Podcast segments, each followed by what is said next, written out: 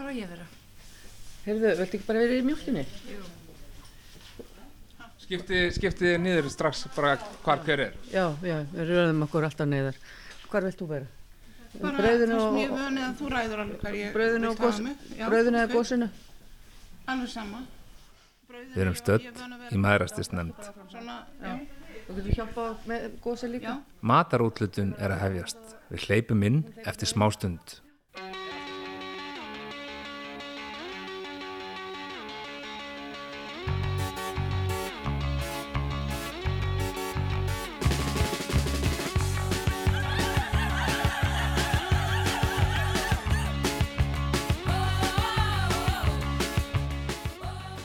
Komiði sæl.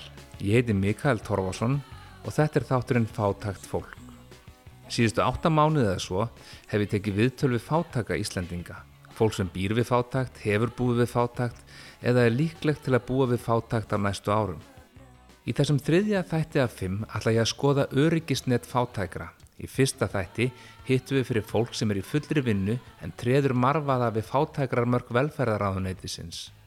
Í öðrum þætti horfðumst við aðeins í augu við eigin fordóma gagvart fátækum. Í fjórða þætti gerum við tilraun til að skilja fátæktra gilduruna sem fólk getur hæglega lendi í en fymti og síðasti þátturinn ber þann hryllilega titil Fátæk börn. Hérna áðan, í upphafi þáttar, var ég stættur í matarútlutun hjá maðurastyrstnemnd. Við ætlum að kíkja þangað aftur síðar í þættinum en maðurastyrstnemnd er elsta fyrirbæri slíkra tegundur á Íslandi. Eitt af yngsta er Facebook en þar er að finna nokkrar matargjafa síður. Áslaug Guðni Jónsdóttir rekur eina þeirra og þegar ég náði á hana í vetur þá var hún orðin veik af álægi. sem hann að hlaupa út allan daginn með mat fyrir fólk, það náttúrulega kemur það náttúrulega fyrir, sko. Að fá bara flensu? Ha, Að þú bara komið með flensu? Eða hvað, berki bólka, hvað er það? það er svona næst, næsta stið fyrir að lónabólkuna. Fyrir ofan? Nei, neðan fyrir gefðurska mig. Hjúk. Neðan lónabólkuna.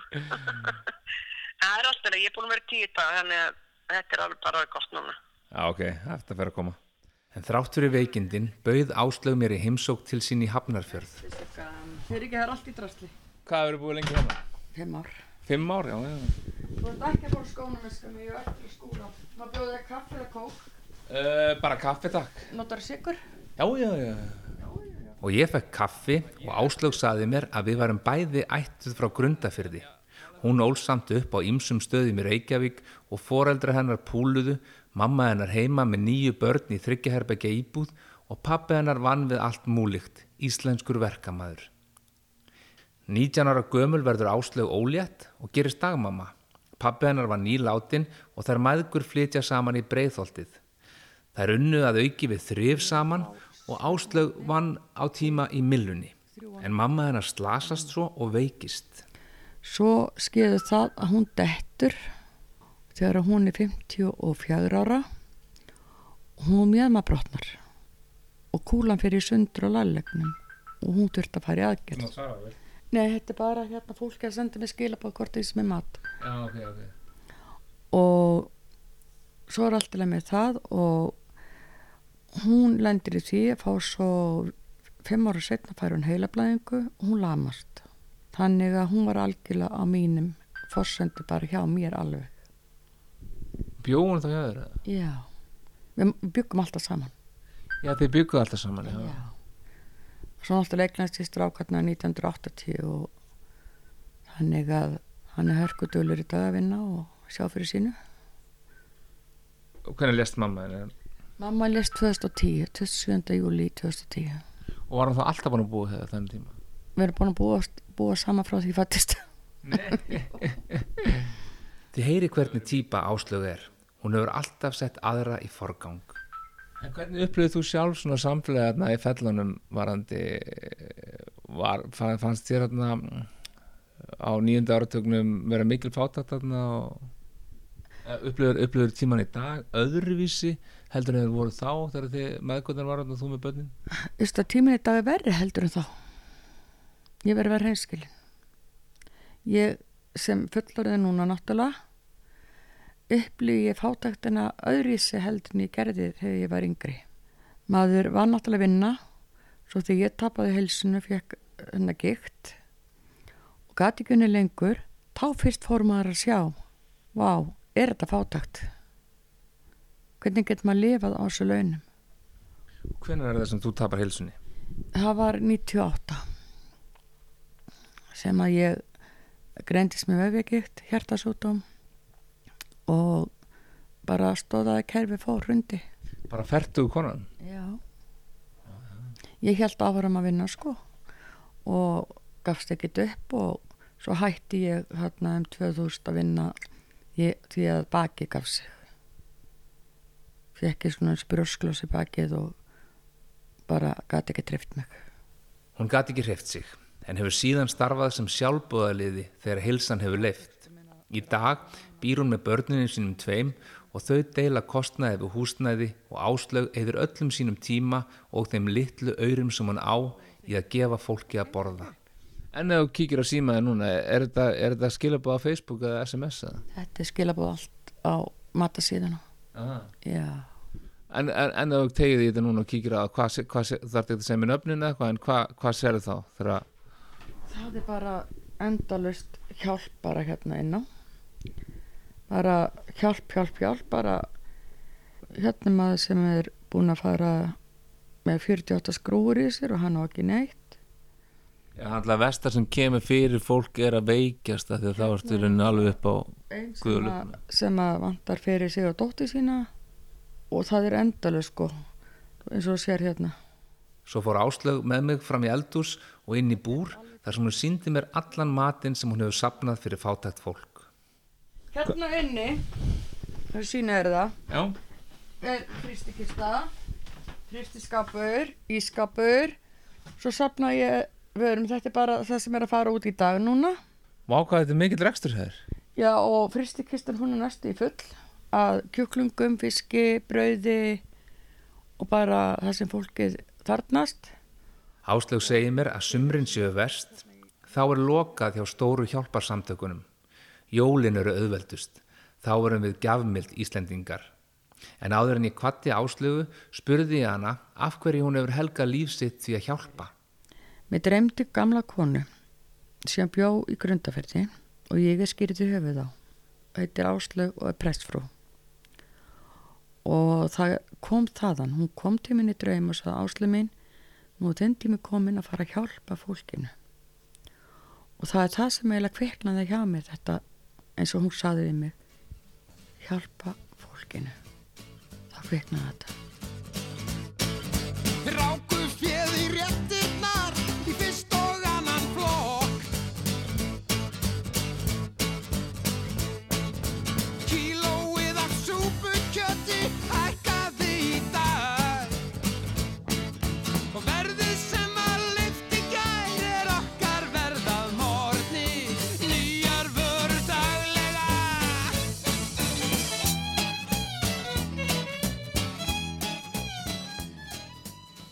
hvað segir, ertu húsnæðislega? Já, í lögadalum bara og, svo bara er ég hérna hér og þar og út um allt. Á bara beddum hjá vinnum og sófum og... Já, Ég er í röðinni hjá fjölskyldi hjálp, það er matarútlutun. Og hvað kom, það er bara ég leiði hérna svona kofa og það er náttúrulega að fara að hafa svo háa leið og ég hafði gefn á því og ég bara flytt út og fór í tjald í lögadalum. Varstu áður og varstu öryggi fyrir, að- fyrir, fyrir þessum 5-6 árum? Varst, uh, hjá borginni í þrifum. Mm, já, varstu í þrifum? já, og bara orðin öryrki, bara stóðkerfið búið og rú, rústa líka mann. búin að rústa líka mann, algjörlega sko. Já, þetta var algengt stef hjá fólkinu sem ég hitti í röðinni, íslensku verkafólki. Þessi kona, sem vildi fá að halda nafninu sínu fyrir sig, lifir á innan við 200.000 krónum á mánuði. Þetta er óskup erfitt líf. Maður er þunglindur og leiður og Svo eins og ég segja, þetta er bara erfitt líf. Þetta er erfitt líf, sagði hún. Annar viðmælindi minn í röðinni var sammála því. Hefur komið gáður? Já, Já, já. oft mörgurinn. Ertu, ertu lífuristegi? Ég er lífur því, Já. 76 ára. Og er ekki, fræði, er ekki fræðilega möguleiki að lifa af Ekki, ekki möguleiki. kerfið okkar er hannað þannig að þú átt ekki Það er svona þegar viku er búið á, mánuður þá um, er það búið. já, já. Ég var búinn að gera það, klára það sem það þarf að gera. Sko. og varst að þræla alla þínu tíði Já, já, alveg fram á 70. en það, Já. Einhverja harða verkamanna vinnu Nei, ég var stungavinni vera var vann að reykja hlut í, í 25 ár keflaði ekki í 17 ár. Við flugbröðir á, á flugbröðunum og reysar flugbröðunum snjómbortur maður væri ekki að koma hérna ef maður væri vinn og hefði betra þetta þá væri maður ekki að koma hérna þá myndi maður láta aðra ganga fyrir sem eru líka að halda að koma Ég ætla að hleypa þér, í, hleypa þér áfram en takk fyrir spjallið, gangið vel Þótt skjólstæðingar fjölskylduhjálpar séu margir hverjir að brotna er hugur í áskerði Jónu Flósadóttur framkvæmdastjóra og hún er stolt af sínum sjálfbóðaliðum Hér hefur fólk komið með hausinn undir hendinni, alveg niður brotið. Í dag bara leikur á allsotti, var heima bara í þunglindi. Í hitti fyrra fóru átta öryrkjar og atvinnuleysir út á vinnumarkaðin frá okkur. Búin að vera hér í nokkur ár. Ég rætti svo við nokkra stelpur úr Versló sem voru komnar til að hjálpa til við matar og útlutun Hvað heitir þú? Lilja Hrund.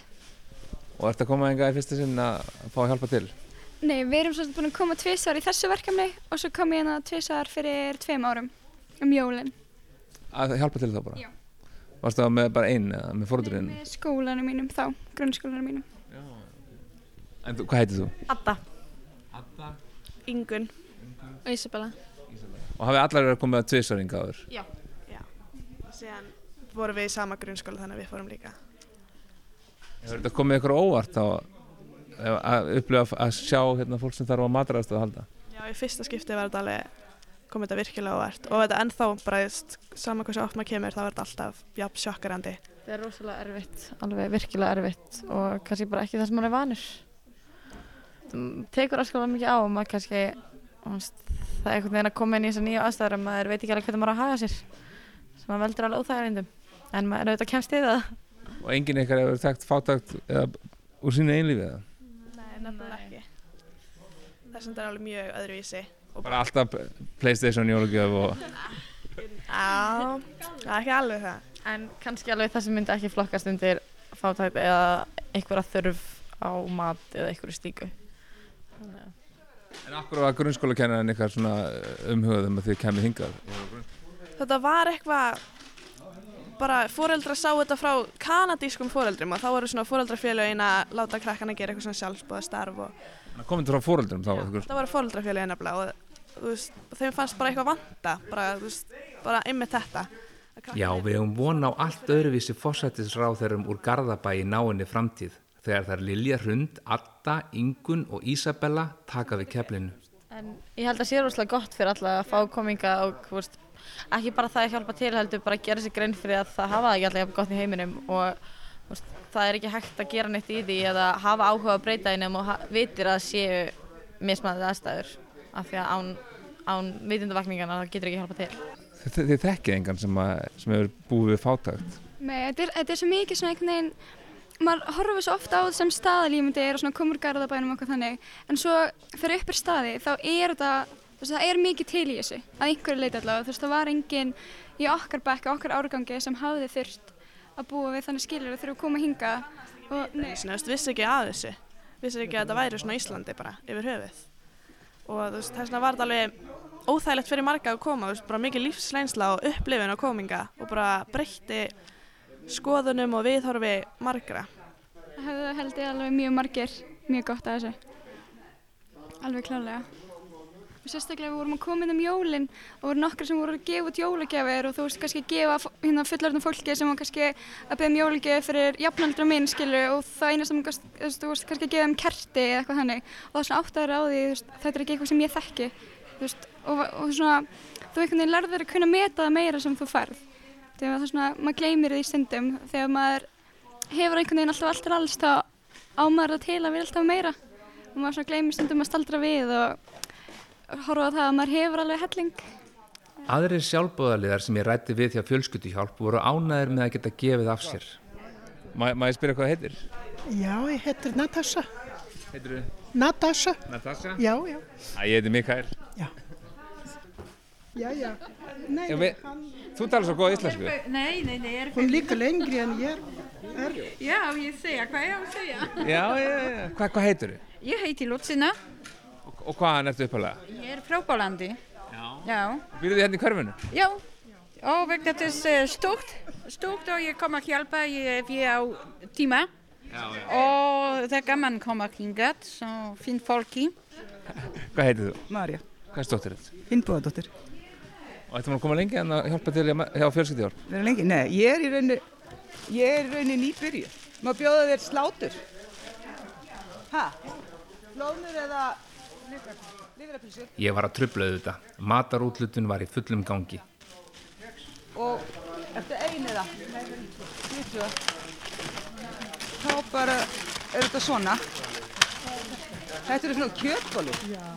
Danskar, eða er þetta danskar hakkabólur? Er það ekki flott? Já.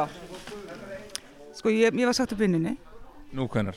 bara fyrir mánuði. Þrei vikum, tvei vikum, eitthvað svo leiðis. Svo ég hérna býðna rétt sér og sá að vanta sjálfbóðlega. Svo ég sem þetta er bara fint tækifæri. Gera eitthvað annað og bara, mér er alltaf langað að kynnast þessu. Það er alltaf verið að gefa svona lélega mynd af hátakt. Þú veist, allir, ég ætla hérna bara að sjá hvernig þetta er og hvers konar fólk þetta er. En hefur þú sjálf upplegað að fá þetta þig? Ég myndi ekki segja kannski fátakt en maður hefur alveg, þú veist, ekkert átt pening alltaf eða þú veist, þannig. Ma, maður hefur svona átt fyrir mat eða, þú veist, svona alveg á mörkunum. Þú veist, er- hver er það ekki? Svona íslenskt alltíðu fólk. Ja, akkurat. Já, sjálfbóðaliðarnir skildu hvað fólki í röðinni var að gangi gegnum og þau vildu láta gott af sér leiða. Ég náði svo að króa áskerði Jónu, framkvæmdastjóra fjölskylduhjálpar, af í smá stund og spurði hana af hverju hún fór út í það að gefa fólki mat. Já, og hérna, sko, ég, ég var kosin í maðurastastemd Reykjavíkur á vegum háskólamentara Kvenna. Var þar alveg heil lengi og breytti starfseminni þar eins og hún er í dag. Við byrjuðum vikulega og það var indisluðu tími. Síðan hérna stopnaði við þetta 2003, það voru sérst uh, alla stjórnakonur hjá maðurastastemd sem að komi hingað og, og við stopnaði þetta þannig að við erum að hefja núna 14. starfsárið. En þegar að ég sé þetta bara hjá maðurastastemd 1995 að þá náttúrulega verðum við bara fyrir svona léttu áfalli að bara sjá skólasýstu sínar mæta illahaldnar uh, höfðu gefna að fara til tannlæknis og bara voru bara það var bara hræðilega sorglegt að sjá þetta Hvað er það? Já. Hún er áskerður. Hérna. Ég ætla að ræða við því að þú ert að koma bara í fyrsta stjórn. sæl. sæl. Það er strax búið að króa áskerði af því þessi kona er að koma í fyrsta sinn og þarf á hjálp að halda.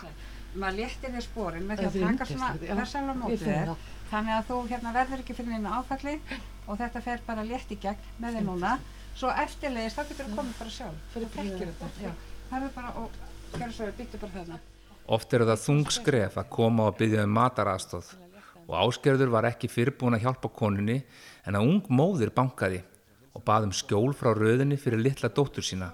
Það var kallt úti þennan dag, frost og naburt. Komum frá. Já. Það er langar fórhundinast. Ég kom hérna á tólf. Já. Er eitthvað smá möguleika með að standa hérna smá stund? Það er svo kallt að kæða. Komdu inn á einu. Er það lægi? Standa bara með klósetin. Ég kem og kíkja. Já.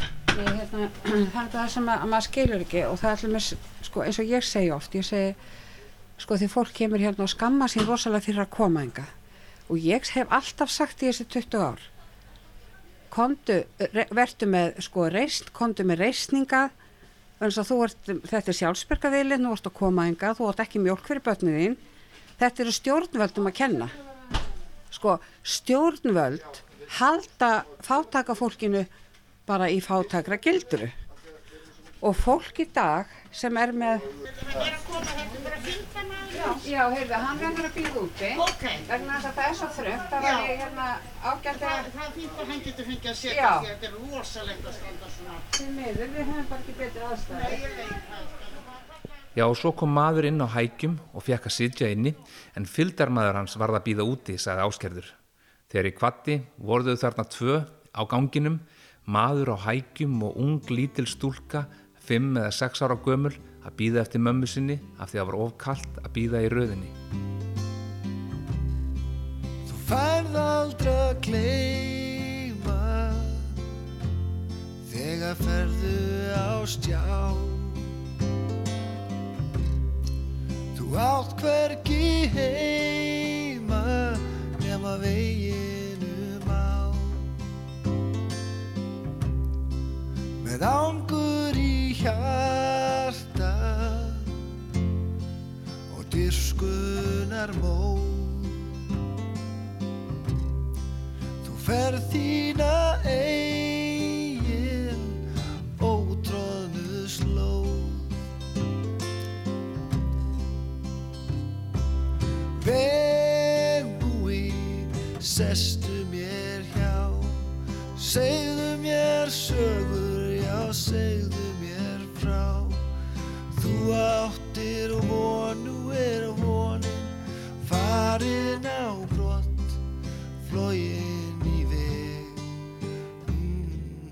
Við vorum fimm sískininn, pappi listmálari, uh, við vissum aldrei hvernig, mamma mamma heimaðandi og við vissum náttúrulega aldrei hvernig teikina myndi koma. Þetta er Anna H. Pétursdóttir, formaður maðurastisnefndar. Hún er að trúa mér fyrir því að hafa sjálf alist upp við fátækt. Ég man eftir því, svona, ég hugsi verið cirka verið svona 7-8 ára gömul, að ég stóð í hafnahörði fyrir framann Rafa eldavélina og var að hlusta á útvarpið með mömmu mam- og mamma út í matinn og hérna þá var verið að tala um maðurastinsnefnd og ég sagði svona um mömmu þá sem ég mjög skondi í dag þetta ætla ég að gera þegar ég verið stór bara fínu lítið stelpa en þetta svo, svo var það náttúrulega ekkert í hausnum á mig neitt en svo fór ég að rifja þetta bara upp núna því ég tók við, mig, við formelskunni hérna. Þú ert alveg bara svona íslensku alþýðheimil og þá er alltaf svo margi fátækir. já, já, já, reyndar já, já. Liður manni þá ekki eins mikið eins og núna kannski liður börnunum eða fólkunum sem er hérna, kemur hingað og sækir maðurstyrka að þessi svo rosalega frábærið, það gengur allt svo vel og allt svo frábært. Heldur að það sé öðruvísi núna? Það hlýtur að vera. Það hlýtur að vera. Maður var í sömu peysunni bara marga daga og það var enginn sem saði við því. Og það þótt ekki tiltökum mál, sko. Og merkjavaran var ekki komin til landsins og ég meina, allt allar þessar græjur sem börnin þurfa í dag, það, það var náttúrulega ekki neitt. Maður var bara úti að leika sér á stillöðsum byggingarhúsunum og eitthvað starra að renna sér á sleða og þetta var bara alltaf annað líf. Og eitt af því sem Anna er hvað stoltust af er mentunar sjóðurinn. Hún var stopnað 2012 og það var hugmyndu aðalhegar, framkvæmdastjórans. Hún fekk uh, mig og uh, hérna eina aðra til þess að vera í stjórn fyrir sig og svo var, svo var hérna, uh, við vorum, já við vorum fjórar í stjórn og erum ennþá fjórar í stjórn og höfum, erum búin að, við erum búin að vera að hjálpa. Sko það eru komna núna 130 og eitthvað styrkir sem, síðan 2012 sem við erum búin að veita. Og inn í þessu sko eins og ég tók að saman í sumar þá voru við búin að aðstóða 70 konur en veita 100 styrki svo bættist við 32 konur núna í oktober eða núna í haust ég. Og þetta eru konur sem eru sko alveg frá 16 ára upp í 50 og eitthvað ára sem við erum búin að vera aðstofa og við erum til dæmis við vitum að það er að útskrifast uh, tveir hjúkunarfræðingar núna næsta vor sem er, við erum búin að vera aðstofa allan tíman sem sagt fjögur ár búin að veita um styrk þetta er náttúrulega bara alveg stórkostlegt þetta var konur sem undir ekkert að hafa getað mynda sig nema bara með okkar hjálp þannig að þannig erum við að reyna að hjálpa þeim að hjálpa sér sjálfur Svo hófst matarútlutun hjá maðurastisnefnd og ég segi nú bara eins og verslóstelpunar hjá fjölskyldi hjálp Þetta er sjokkarandi og þetta er erfitt. Anna dregur konu sem er nýbúin að eigna sparn afsýðist af því að þeim hefur áskotnast nokkra brjóstapumpur sem þær vilja koma til maðura sem þurfa á þeim að halda. Svo eru það skamtarnir. Bara velja eitt hér. Það er eitt pakki og eitt. Svona. Það, svona. Nei, nei, með svíni. Eitt af þessu, tvö af hinnu, tvær eða þrjár appelsínur eftir fjölskyldustærð, ein eða tvær mjölk. Auðvitað er þetta göfugt starf, en það verður engin ofalinn á því að standa í röðinni hjá mærastirsnefnd. Það er bara eitt hérna, það er bara eitt, eitt. það er að velja eitt og það er ekki meira. Þetta er haframjöl. Ég stóð með konunum í tvo daga og það fór vel á með okkur. Þessar konur eru með ólíkan bakgrunn og sumar hefðu vel geta enda í röðinni í stað þess að vera þarna að vinna sem sjálfbóðaliðar. Við hefum bara unni ég og maður minn. Ég er með 230.000 útborgað fyrir allir lífur og lífursjóð. En það nægir mér. Þú ættir, þú ættir rétt að matarastöðu þegar maður stundum þannig. Já. Þetta er Sveingerður Hjartadóttir. Hún er fulltrúið framsóknarkvenna í maðurastisnefnd en gárungarnir gætu orða það svo að maðurastisnefnd sé gamla Ísland. Hún er starfrækt af sjö kvennfélögum, kvennfélagi framsóknarkvenna, kvennfélagi alþýðuflokksins og kvöt félagi sjálfstæðiskvenna svo einhver félög séu nefnd. Hún Sveingerður hjælti fram við mig að þau varu líka svolítið íhaldsum hjá maðurastisnefnd og flestar hefðu þær konurnar kosið Davíð Oddsson í síðustu kostningum en það var hann alltaf velviljaður nefndinni þegar hann var borgastjóri. Mannstu við sögustum allar að kósa Davíð, kostu Davíð? Já. Þú gerðu það? Já. Ok. ég. Ég, ég er sjálfstæðskona og hún er framsóknarkona. Já, við töluðum um pólitík og röðum vörum í hillurnar, lánuðum póka til þeirra sem voru að koma í fyrsta sinn, en fastakúnar maðurastisnefndar vita að þú átt að koma með eigin plastboka. Svo kvatti ég stelpunar allar og fór og hitti Vilborgu Oddsdóttur hjá hjálpastofnun kirkjunar en margir fátækir sem ég hef rætt við síðustu mánuði bera henni persónulega vel söguna. Vilborg hefur unnið þjá hjálpastofnun kirkjunar í yfir áratug en segir síðustu ár hafa verið sérlega erfið fyrir okkar fátakasta fólk. 2009 þegar kemur þessi sko krónumóti krónuskerðing sko, það kannski þá svona þá var það svo áberandi hvað sem fátakara gildra er erfið. Útskriðu nákvæmlega fyrir mig hvað gerist það? Sett, sko, þá, þá var hugsunni svo að þeir sem voru allar leðstu launanum sem félags, með, sko, sem voru að fá örgubætur að það var sett á 30 krónur tekju tryggingu eitthvað 30 krónur en sem var þannig að ef að þú hafðir pening frá, frá þínu lífur í sjóði eða atvinnutekjum þá skertist það krónum átti krónu. Þetta var hugsað í rauninni annað í hruninu til að koma, koma til mót við þá sem lifðu að læðstu laununum. En var kannski ekki hugsað til enda veist, hvaða áhrif það hefði þá á hina? Þegar þú efðugast unnið eitthvað svona sko, hvað dró úr þessari vinnu getu en meiningi var svo að þeir sem höfðu allra allra vest myndi fá þarna skærabót og þeir fengana á heldinni en allir þeir sem að gátu unnið pínulítið eða voru að fá lífyrirsjóðunum þeir bara byrju strax að skerðast. Fyrstu 30 krónur varstu bara að vinna sjálfbóðavinnu sko rauninni. Þetta kerfi er frumskóur útaf fyrir sig. Óskiljanlegt að flestu leiti Þetta snýst um það að í rauninni öryrkjar og lífyrirstöðar hafa fengið heimild á þau til að vinna eitthvað smá. Já, já, þá var, varstu með frítekjumarkið. En þarna var frítekjumarkið að öryrkjarnu bara fyrst 30 krónar bara fóra alveg í börtu og þetta gerist 2009 þarna eftir hruni þegar það var meiningin að koma til móts við þessi vestóður sko. En þetta var ekki hugsað til enda. Eins og oft það sem við hugsim hérna á Íslandi. Við hugsim ekki alveg hvað kemur þegar við samþykjum einhver lög hvað áhrif það hefur á alla. Og samkvæmt öllum könnunum verðu við fyrir ákveðnu áfælli náttúrulega 2008 og þá myndast svona stærri hópur sem er fátakur og samkvæmt öllum rannsóknum þá virðustu ekki ná neinum árangur í að breyta að því að samkvæmt því þá hefur ástandið verst að síðan það var verst ef það er orðað þannig. Sko, það, sem gerist þarna var svona tvent sko, annars vegar það var að koma alveg nýr hópur.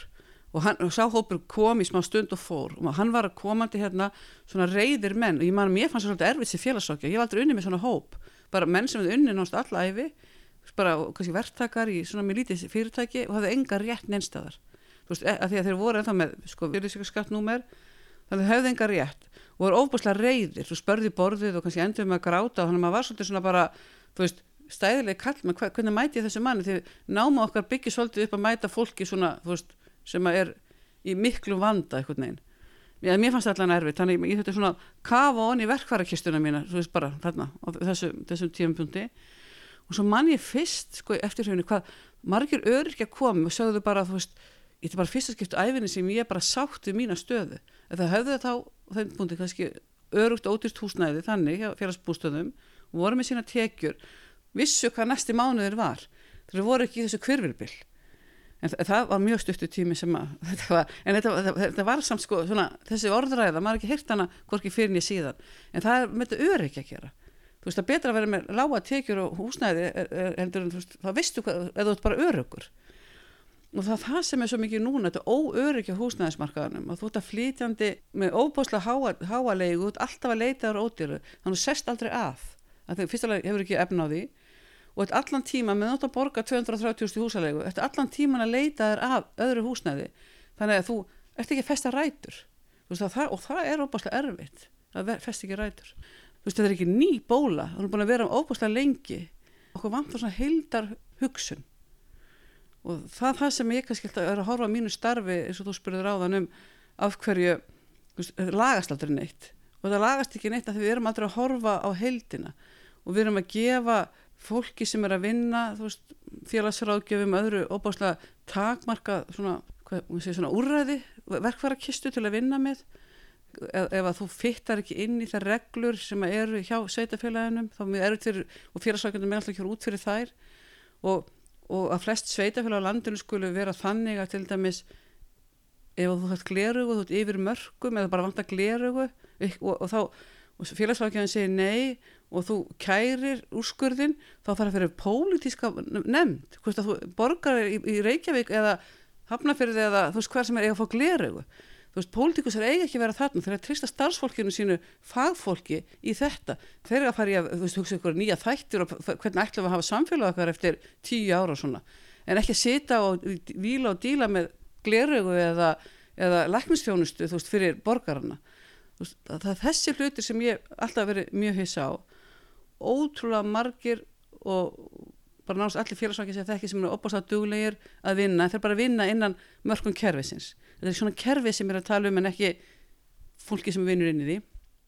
The computer says no og þá þarf hinn fátæki að fara á milli Pontiusar og Pílatusar.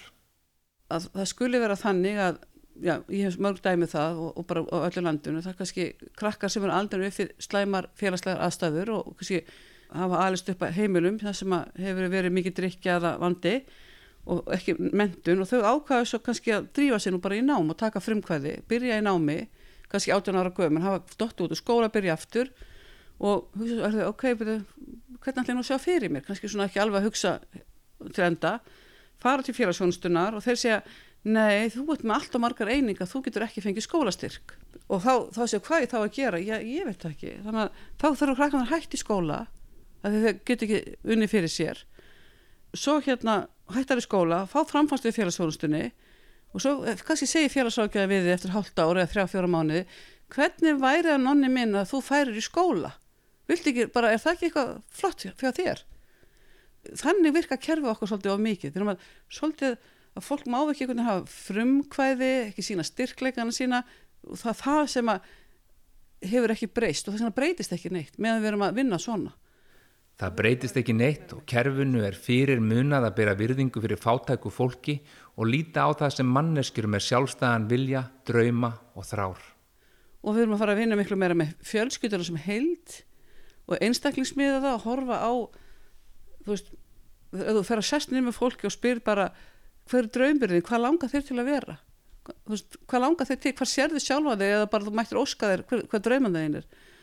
Og fer svo bara að fylgja fólki svolítið eftir þessi skref hvað þarf til að draumurinn er rætist. Og þó sé ekki að brota honum. Og þá bara er maður að vinna allt annan hátt með fólk þegar við erum alltaf að mæta fólki sko, þú veist, sem sest hérna með skrifbóri hjá mér. Það kemur ekki til mín og segir Vilborg, ég er alveg óbúslega góð að syngja og prjóna og ég hef áhuga þessu og ég geti hugsað með þetta. Það kemur og segir, ó já, svo erfitt og ég hafa ekki mat fyrir bönni mín og þú verður að hjálpa mér og þú veist, það er það, það heldur að það, veist, það er það sem virkar til að fá hjálp og, og ef við ætlum að byggja all, hjálpa kerfi okkur þannig þá, þá miðar okkur ekkit áfram. Við þurfum að fara að horfa styrkleikarna í fólki að vinna með það en ekki veikleikana. Bara ef við myndum hlusta á hana Vilborgu. Hún veit sjálf hvað það er að vera blöng hún var einstað móður með þrjú börn á sinni framfæslu á sínum tíma og hún hefur trú á sínum skjólstæðingum. Frábært hérna fyrir nokkur dögum. Þá kom konatími sem búin að vera hérna mörg, mörg ár hjá okkur. Býr við mikla fátækt sko og er stór fjölskylda maðurinn er í láluna vinnu og eina sem okkar breytt þeirra stöðu var að hún fara að vinnumarkaðin og það búið að taka okkur saman, tvö ár að fá hann til að trúa því að hún geti þú veist, hún hafi eitthvað til að gefa og fara út á vinnumarkaðin og bara brosi sem hún kom og síndi þegar hún kom eitthvað og sagði mér nú er ég búin að fá vinnu.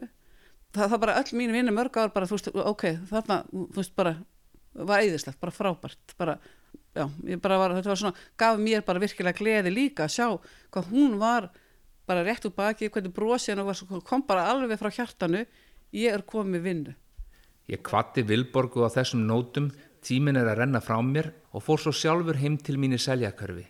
Í næsta þætti ætlum við að skoða betur fátaktra gildruna sem Vilborg nefndi fyrr. maður er bara virkilega reyður af því að náttúrulega fátækt er aldrei fólkin að kenna sem að býr við fátækt er að þú veist gerir ekki neitt fyrir sjálfa sig og allir peningurum februar í helstu nöðsynjar og þannig að þetta er, þú veist, maður sér að þetta er kerfi sem að býr til fátækt sem að viðheldur fátækt, þetta er, þú veist þetta er náttúrulega ástand sem er bara búið til og því er viðhaldið og þú veist, það er svo rosalega svona líjandi, þetta er einmitt bara félagslegt fyrirbæri, þetta er ekkert eitthvað, þú veist, ekkert óheppin eitthvað að vera fátækur og átt síðan bara að vinna og vinna og vinna og sapna þér inn fyrir miklum pening og þá kemst út úr þessu, þetta er náttúrulega bara, samfélagi bara býr þetta til, sko. Þetta er Sanna Magdalena Mörtudóttir. Hún ólst upp við sára fátækt, mamma hennar skúraði kaupþing í góðærinu þar til lágu launin buguðu hana. Við heyrum í sönnu aftur í næsta þætti. Ég heiti Mikael Torfason, takk fyrir mig.